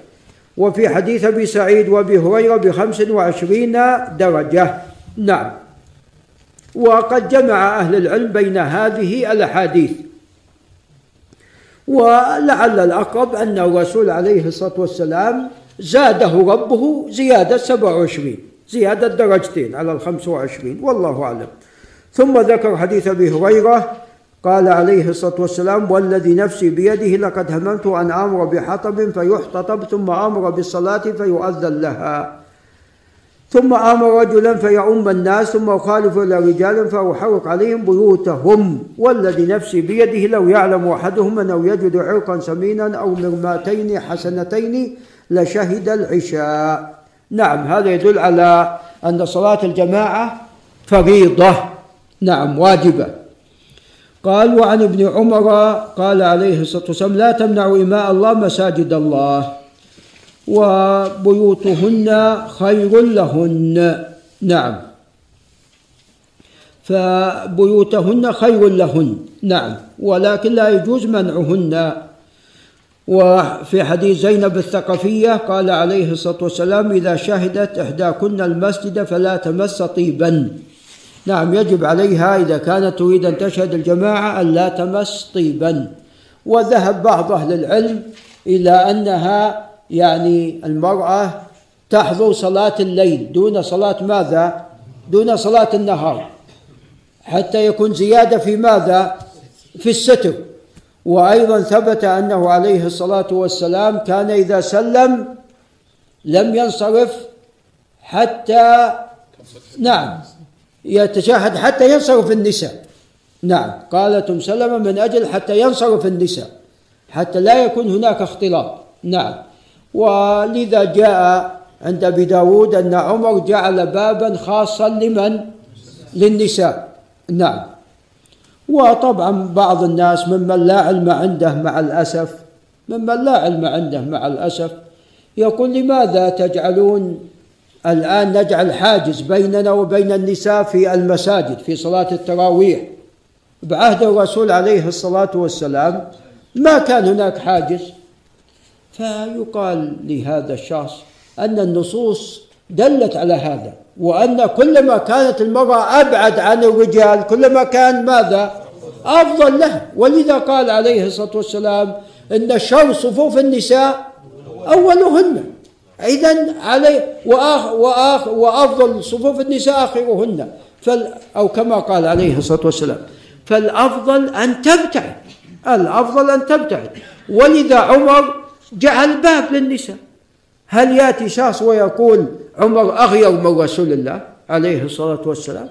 عمر لا شك محدث ملهم أفقه منك ومن أبيك ومن فلان وفلان. نعم. ف... فهالكلام مو بصحيح؟ وإلا لماذا أيضا الصحابة جمعوا المصحف رضي الله عنهم؟ هل هم نعم أكثر غير على كتاب الله من رسول الله صلى الله عليه وسلم.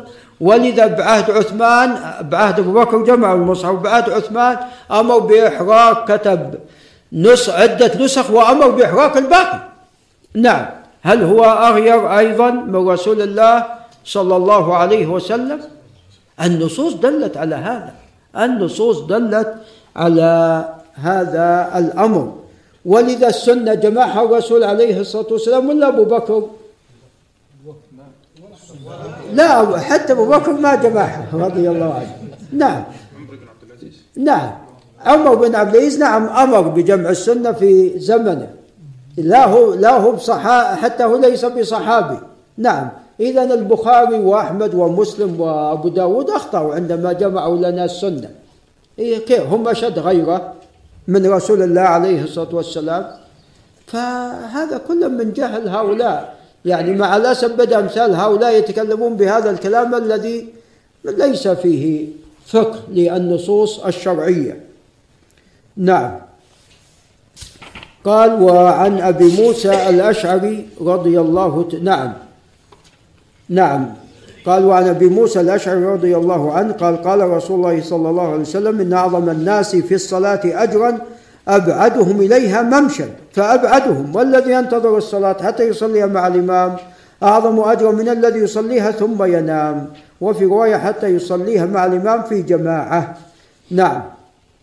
فكلما كان مكان الإنسان أبعد كلما كان أعظم لأجره. نعم. لكن لا يتعمد أن يبتعد. قال وعن هشيم عن شعبة عن عدي بن ثابت عن سعيد بن جبير عن ابن عباس عن النبي صلى الله عليه وسلم من سمع النداء فلم يأته فلا صلاة له إلا من عذر. نعم هذا راجح أنه موقوف موقوف على ابن عباس الراجح أنه موقوف على ابن عباس. نعم ثم قال أذن ابن عمر في ليلة باردة. ثم قال صلوا في رحالكم فأخبرنا فأخبرنا أن رسول الله صلى الله عليه وسلم كان يأمر مؤذنا يؤذن ثم يقول على إثره ألا صلوا في الرحال في الليلة الباردة أو المطيرة في السفر؟ قال متفق عليه وهذا لفظ البخاري. وأما اللفظ الذي رواه ابن إسحاق رواه أبو داود بن حديث ابن إسحاق فهذا بالمعنى. والصواب ما في رواية البخاري ومسلم. قال وعن أنس بن مالك طبعا يعني السنة في الليلة المطيرة والباردة أن أن يقول المؤذن ماذا؟ صلوا في رحالكم. قال وعن أنس بن مالك رضي الله عنه أنه سئل عن الثوم فقال قال رسول الله صلى الله عليه وسلم من أكل من هذه الشجرة فلا يقربن ولا يصلي معنا. متفق عليه. نعم. فإذا الشيء الذي فيه رائحة من ثوم وبصل وكراث نعم. إذا كان الإنسان قد أكله قبل الصلاة وبقيت الرائحة فلا يصلي مع ماذا؟ لا يصلي مع الجماعة. هنا الجماعة تكون ساقطة عنه معذور في هذه الحالة. نعم. فعلى الإنسان أن لا يؤذي المصلين ولا يؤذي الملائكة برائحته ومن ذلك رائحة الدخان نعوذ بالله من ذلك. قال وعن يزيد بن الأسود أنه صلى مع رسول الله صلى الله عليه وسلم صلاة الصبح بمنى وهو غلام شاب. فلما صلى عليه الصلاة والسلام إذا هو برجلين لم يصليا فدعا بهما فجيء بهما ترعد فرائصهما فقال لهما ما منعك أن تصليا؟ ما منعكما أن تصليا معنا؟ قال قد صلينا في رحالنا. فقال لا تفعلا فلا تفعلا. إذا صليتم في رحالكم ثم أدركتم الإمام لم يصلي فصليا معه فإنها لكم نافلة أو فإنه لكم نافلة. نعم في رحالهم يعني رحالهم بعيدة ما يسمعون الأذان. فصلوا ثم جاءوا فوجدوا الرسول عليه الصلاة والسلام يصلي فلم يدخل معه. فأنكر عليهما عليه الصلاة والسلام ذلك وأمرهما في مثل هذه الحالة أن يدخل مع ماذا؟ مع الجماعة. ولذا من الخطأ إذا صليت في مكان ثم جئت إلى المسجد أن الإنسان ما يصلي مع الجماعة. يعني بعض الناس الجماعة قائمة يذهب يصلي ماذا؟ تحية المسجد ويجلس مثلا محاضرة درس صلى في مسجده وجاء وجدهم لا زالوا يصلون هنا في هذه الحالة ماذا تفعل؟ ادخل معهم. حتى لو كان صلاة العصر قال وعن أبي هريرة هذه صلاة الفجر وصلاه الفجر بعدها ماذا؟ بعد وقت نهي قال وعن أبي هريرة نعم هذا الحديث صحيح حديث الأسود يزيد بن الأسود حديث صحيح. نعم. قال وعن أبي هريرة قال أتى النبي صلى الله عليه وسلم رجل أعمى. قال ليس لي قائد يقودني إلى المسجد. فسأل رسول الله صلى الله عليه وسلم أن يرخص له ف فيصلي في بيته فرخص له ثم فلما ولى دعاه فقال له هل تسمع النداء بالصلاة؟ قال نعم. قال فأجب. لا أجد في رواية لا أجد لك رخصة. نعم. فصلاة الجماعة واجبة. قد يقول قائل إن هذا أعمى وبالتالي يعني يقول ليس لي قائد يلائمني وشاسع الدار كما جاء في روايات. يقال إن العميان على قسمين. قسم يصعب عليهم لابد هناك من قائد يقوده وإلا يصعب عليه. فهذا معذور يكون ولا غير معذور؟ هذا يكون معذور. وهناك عميان لا. وابن أم مكتوم اللي جاء الحديث فيه يعني هو من القسم الثاني. نعم. فهو ما يشق عليه أن يأتي. ولذا كان يستنيب عليه الصلاة والسلام على المدينة. إذا سافر أحيانا يستنيب على المدينة. الإمارة أعظم. وكان جاء في القادسية كان معه علم. كان معه نعم لواء المسلمين في القادسية مع لواء المسلمين. نعم. ولذا بعض العميان لو سألت عن مكان مسك يدك ودلاك إلى إلى المكان الذي تبحث عنه. نعم.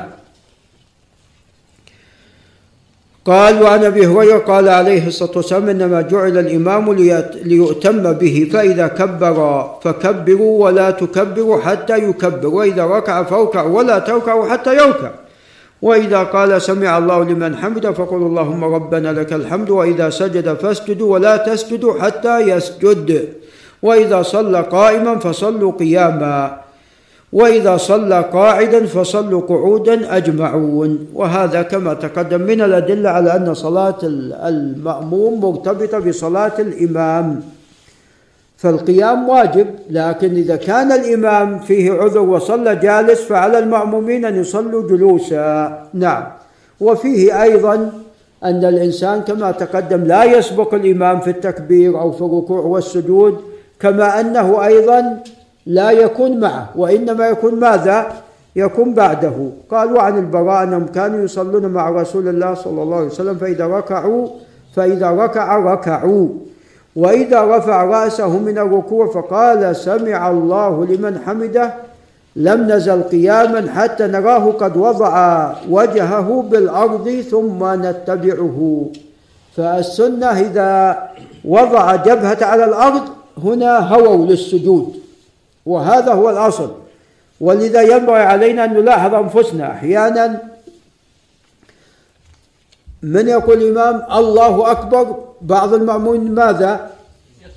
نعم. لا إحنا ما نقول يسبق لكن يعني رأسا بعده. السنة أنك خل خل يركع فأنت توكع ثم توكع رفع ثم بعد ذلك أنت ترفع. سجد وقع على الأرض ثم بعد ذلك أنت تسجد.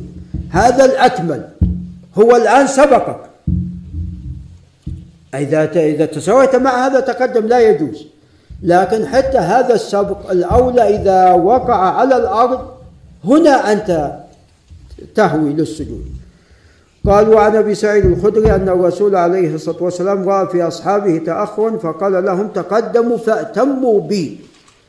لا يتأخر لا يجوز أن يتأخر المأمومين لا يجوز أن يبتعدوا عن الإمام يعني ثلاثة أمتار أربع أمتار. لا. وإنما مقدار ماذا؟ مقدار السجود. مقدار السجود. مقدار السجود. لا يبتعد المأمومين عن الإمام مثلا صفين أو ثلاثة. مقدار محل صفين أو ثلاثة. لا. وإنما مقدار صف. مقدار السجود. مقدار السجود. ولذا قال هنا عليه الصلاة والسلام عندما رآهم قد تأخروا قال تقدموا فأتموا بي وليأتم بكم من بعدكم.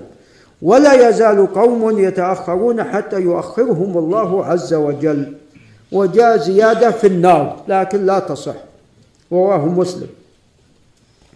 ثم ذكر حديث زيد بن ثابت احتجر رسول الله صلى الله عليه وسلم حجيرة بخصفة أو حصير فخرج يصلي فيها. فثاب إليه ناس يصلون بصلاته.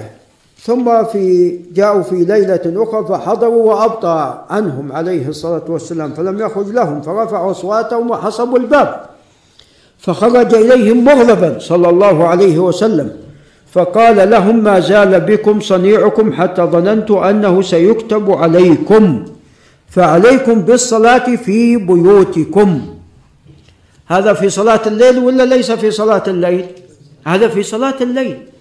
فحتى صلاة التراويح الأفضل أن تكون في البيت كل النوافل الأفضل أن تكون في البيت.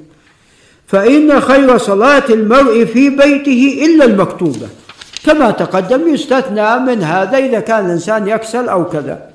قال وعن جابر قال صلى معاذ لأصحابه العشاء فطول عليهم فصاف رجل منا فصلى. فأخبر معاذ فقال إنه منافق. فلما بلغ ذلك الرجل دخل على رسول الله صلى الله عليه وسلم فأخبره فقال له النبي صلى الله عليه وسلم أتريد أن تكون فتانا يا معاذ؟ إذا أممت الناس فاقرأ بالشمس وضحاها وسبح اسم ربك الأعلى واقرأ باسم ربك. والليل إذا يغشى متفق عليه. نعم. قال وفي ورواه مسلم واللفظ لمسلم وفي لفظ له فانحرف رجل فسلم ثم صلى وحده وانصرف. نعم معاذ رضي الله عنه كان يصلي مع الرسول عليه الصلاة والسلام العشاء. وجاء في رواية أنه مرة تأخر عليه الصلاة والسلام فصلى معه معاذ ثم انصرف وصلى بقومه وافتتح ماذا؟ البقرة. فهنا لا شك غضب عليه الصلاة والسلام هذا أدى به إلى أن يغضب عليه الصلاة والسلام على معاذ. وقال إن هذه فتنة في في ذلك فتنة للمصلين. نعم هم يعملون منذ الفجر منذ الصباح بعد الصلاة يذهبون إلى أعمالهم في الغالب. ف... وأنت بتصلي العشاء بالبقرة فلا شك أن هذا فيه مشقة. نعم. فأمره أن يقرأ بأواسط المفصل. فالعشاء تخفف يقرأ بأواسط المفصل. نعم. وهذا فيه في هذا الحديث أن الإنسان إذا احتاج إلى أن ينفصل ينفصل. إذا احتاج إلى أن ينفصل ينفصل. إذا كان هناك سبب. قال وعن عائشة قالت لما ثقل رسول الله صلى الله عليه وسلم جاء بلال يؤذنه بالصلاة. فقال مروا أبا بكر فليصلي بالناس. قالت فقلت يا رسول الله إن أبا بكر رجل أسيف. أي يعني كثير البكاء. نعم. فليصلي. نعم. وإنه متى يقوم مقامك لا يسمع الناس. فلو أمرت عمر فقال مروا أبا بكر فليصلي بالناس. قالت فقلت لحفصة. فقالت أيضا مثل ما قالت عائشة.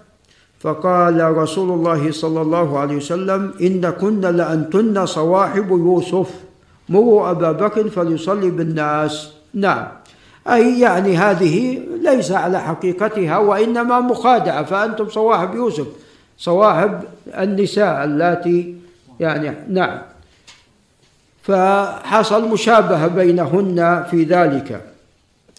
قال فأمروا أبا بكر يصلي بالناس. قال قالت فلما دخل في الصلاة وجد رسول الله صلى الله عليه وسلم من نفسه خفة فقام يهاد بين رجلين ورجلاه تخطان في الأرض. نعم عليه الصلاة والسلام من الضعف الذي أصابه بسبب المرض. قالت فلما دخل المسجد سمع أبو بكر حسه ذهب يتأخر فأومى إليه رسول الله صلى الله عليه وسلم قم مكانك.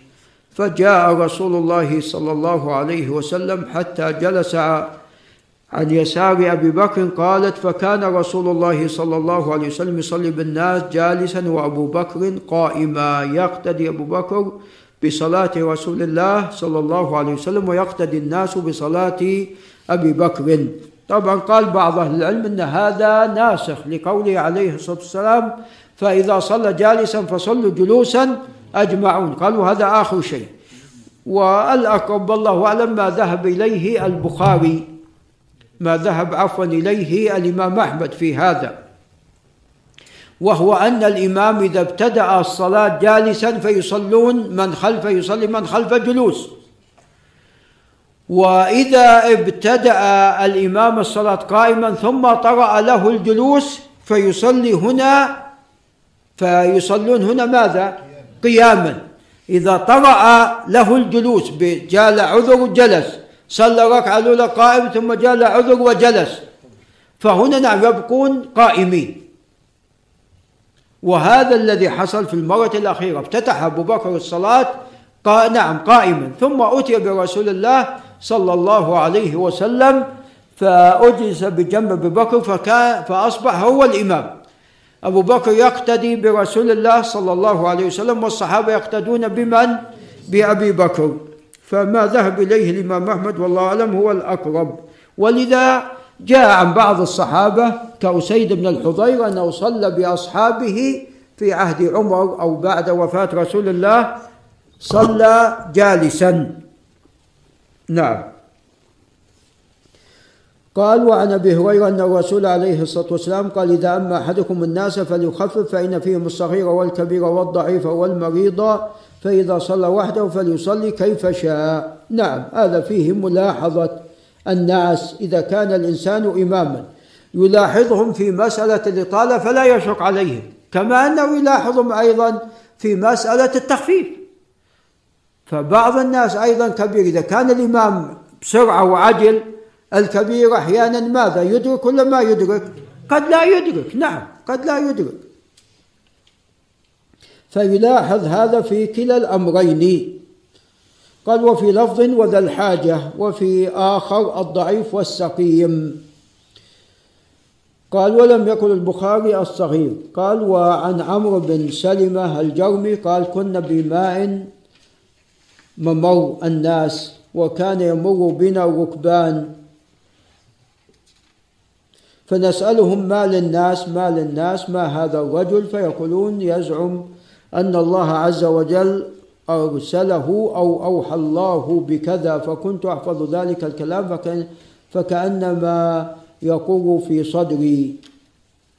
وكانت العرب تلوموا بإسلامهم أي ينتظرون الفتح فيقولون اتركوه وقومه فإن ظهر عليهم فهو نبي صادق. فلما كانت وقعة أهل الفتح بادر كل قوم بإسلامهم وبدر أبي أو بدر قومي بإسلامهم. فلما قدم قال جئتكم والله من عند من عندي النبي صلى الله عليه وسلم حقا. فقال صلوا صلاة كذا في حين كذا وصلوا صلاة كذا في حين كذا فإذا حضرت الصلاة فليؤذن أحدكم وليؤمكم أكثركم قرآنا. وهذا يفيد أن كل جماعة فيها أذان. نعم. حتى لو صليت لوحدك.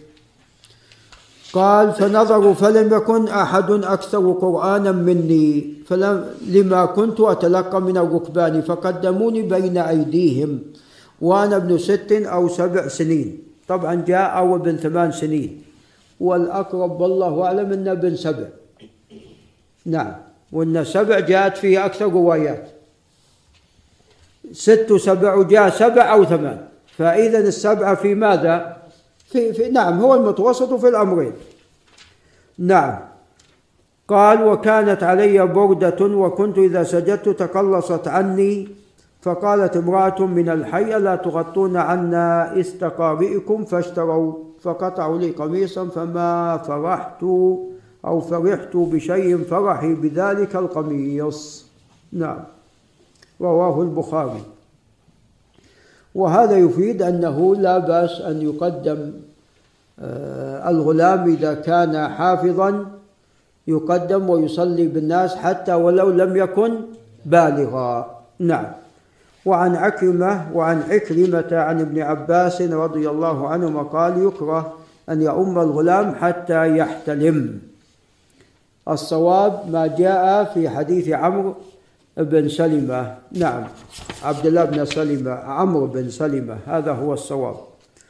قال وعن أبي مسعود قال قال رسول الله صلى الله عليه وسلم يؤم القوم اقراهم لكتاب الله. نعم. هو المقدم. فإن كانوا في القراءة سواء فاعلمهم بالسنة. فإن كانوا في السنة سواء فاقدمهم هجرة. فإن كانوا في الهجرة سواء فاقدمهم سلما. نعم. ولا يؤمن الرجل الرجل في سلطانه ولا يقعد في بيته على تكريمته على ضيافته وعلى نعم إلا بإذنه. قال وفي رواية سنا بدل سلما نعم رواه مسلم. فآخر شيء كبر السن. نعم ولذا قال يا أمكم أكبركم. نعم في حديث ما في حديث نعم بقلابة عن ما عن مالك بن الحويرث نعم. قال وعن ابن مسعود رضي الله عنه قال قال رسول الله صلى الله عليه وسلم ليلني منكم أولو الأحلام والنهى ثم الذين يلونهم ثلاثة وإياكم وهيشات الأسواق. رواه مسلم. لأن هيشات الأسواق وما يجري من لغط وكذا تشوش على ماذا؟ تشوش أيضا على المصلين أو يعني تسبب الغفلة. نعم.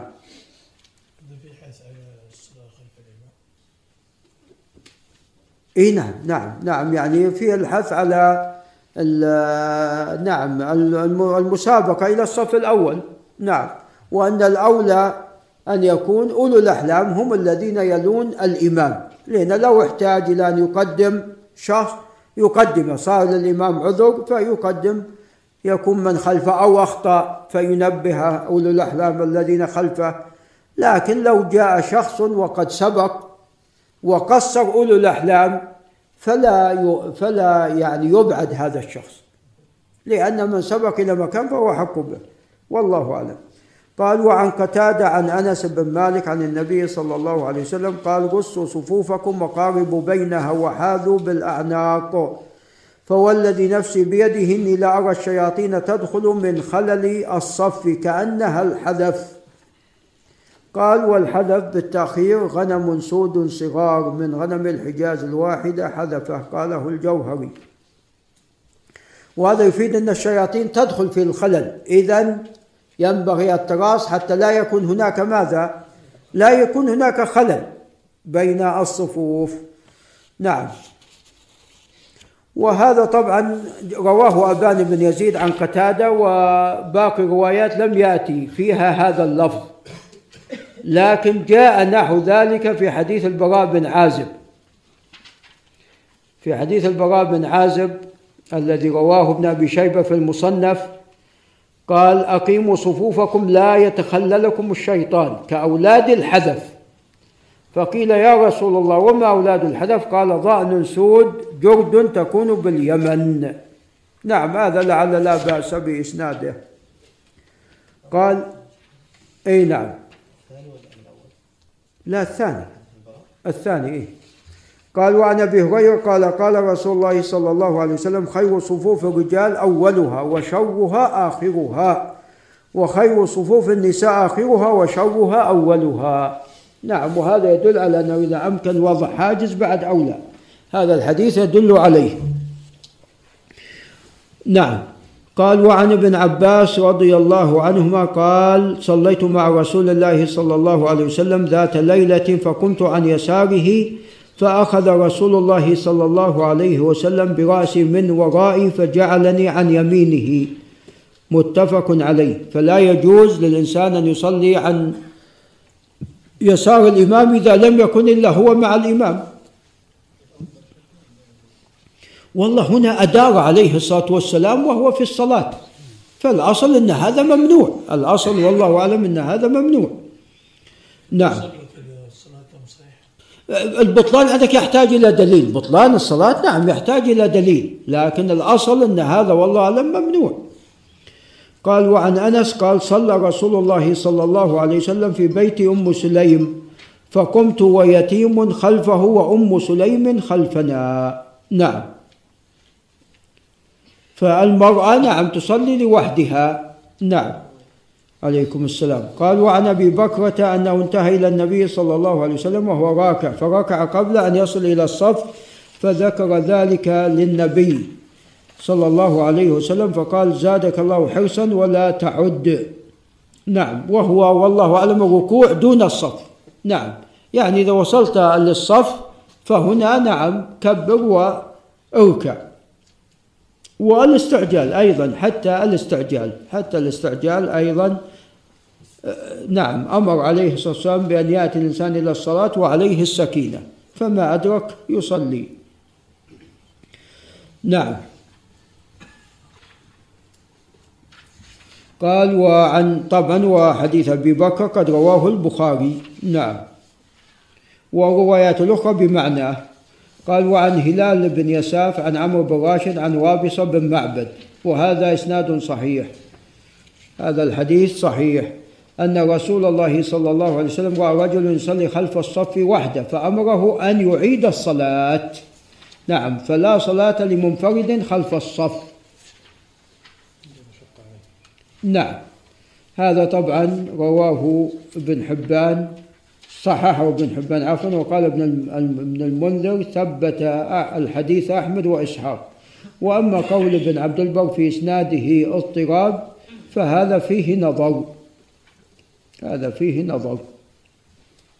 طبعا هذا الواجب يسقط إذا ما كان هناك أحد. أنت جئت والصفوف مكتملة ولم يأتي أحد فهنا تصلي. لأن الأصل أن الواجبات تسقط عند عدم القدرة عليها عند العجز عنها. فالواجبات تسقط. أنت ما تستطيع أنك تصلي قائم تصلي وأنت ماذا؟ وأنت جالس. فالواجبات تسقط عند العجز عنها. أما يعني ما هناك عجز مثلا بعض المساجد الكبيرة والصف الثالث أو الرابع مثلا غير مكتمل. نعم. وجاء الشخص لأن. لأن طرف الصف هناك بالأخير غير مكتمل. قال نعم أنا بصلي لوحدي خلف الصف. اللي غير مكتمل. نعم نقول هذا نعم. هذا يؤدي إلى بطلان الصلاة. كمل الصف الأول فالأول. نعم.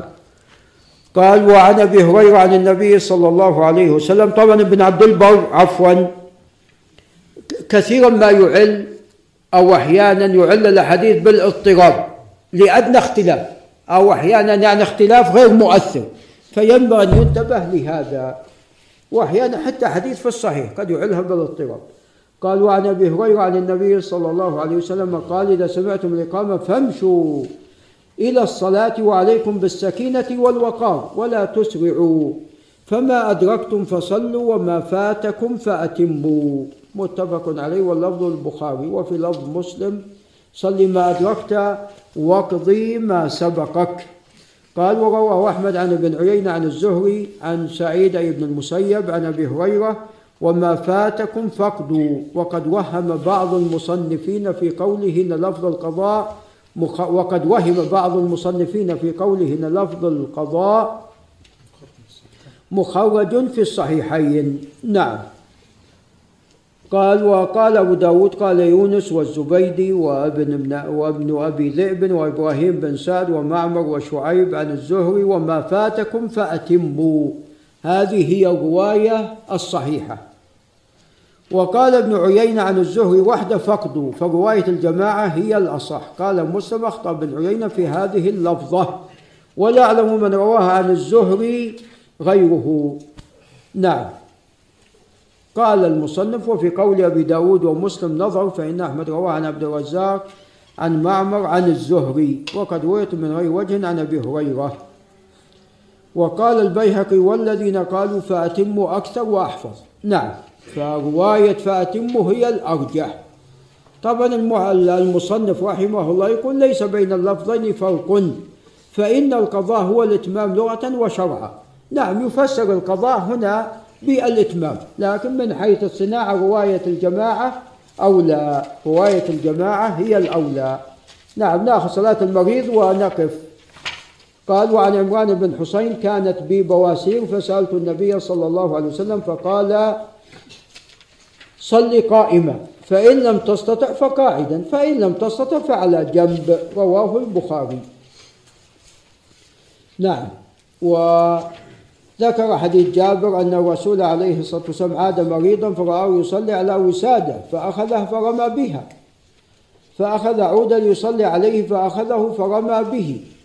وقال صل على الأرض إن استطعت وإلا فأومئ إيماء واجعل سجودك أخفض من ركوعك رواه البيهقي والحافظ محمد بن عبد الواحد في مختارته.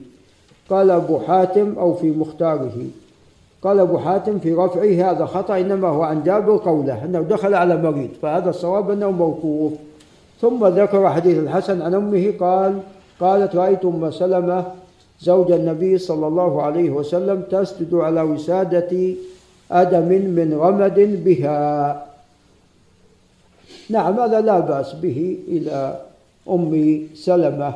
نعم وقد تكون هنا احتاجت قد تكون هنا احتاجت. لذلك ولا الأصل أنك لا تضع شيء ويجعل سجود أخفض من ركوعه وعن عائشة قالت رأيت النبي صلى الله عليه وسلم يصلي متربعا رواه النسائي والدارقطني والحاكم وقال على شرطهما. قال النسائي لا أعلم أحدا روى هذا الحديث غير أبي داود الحفري وهو ثقة ولا أحسبه إلا أخطأ.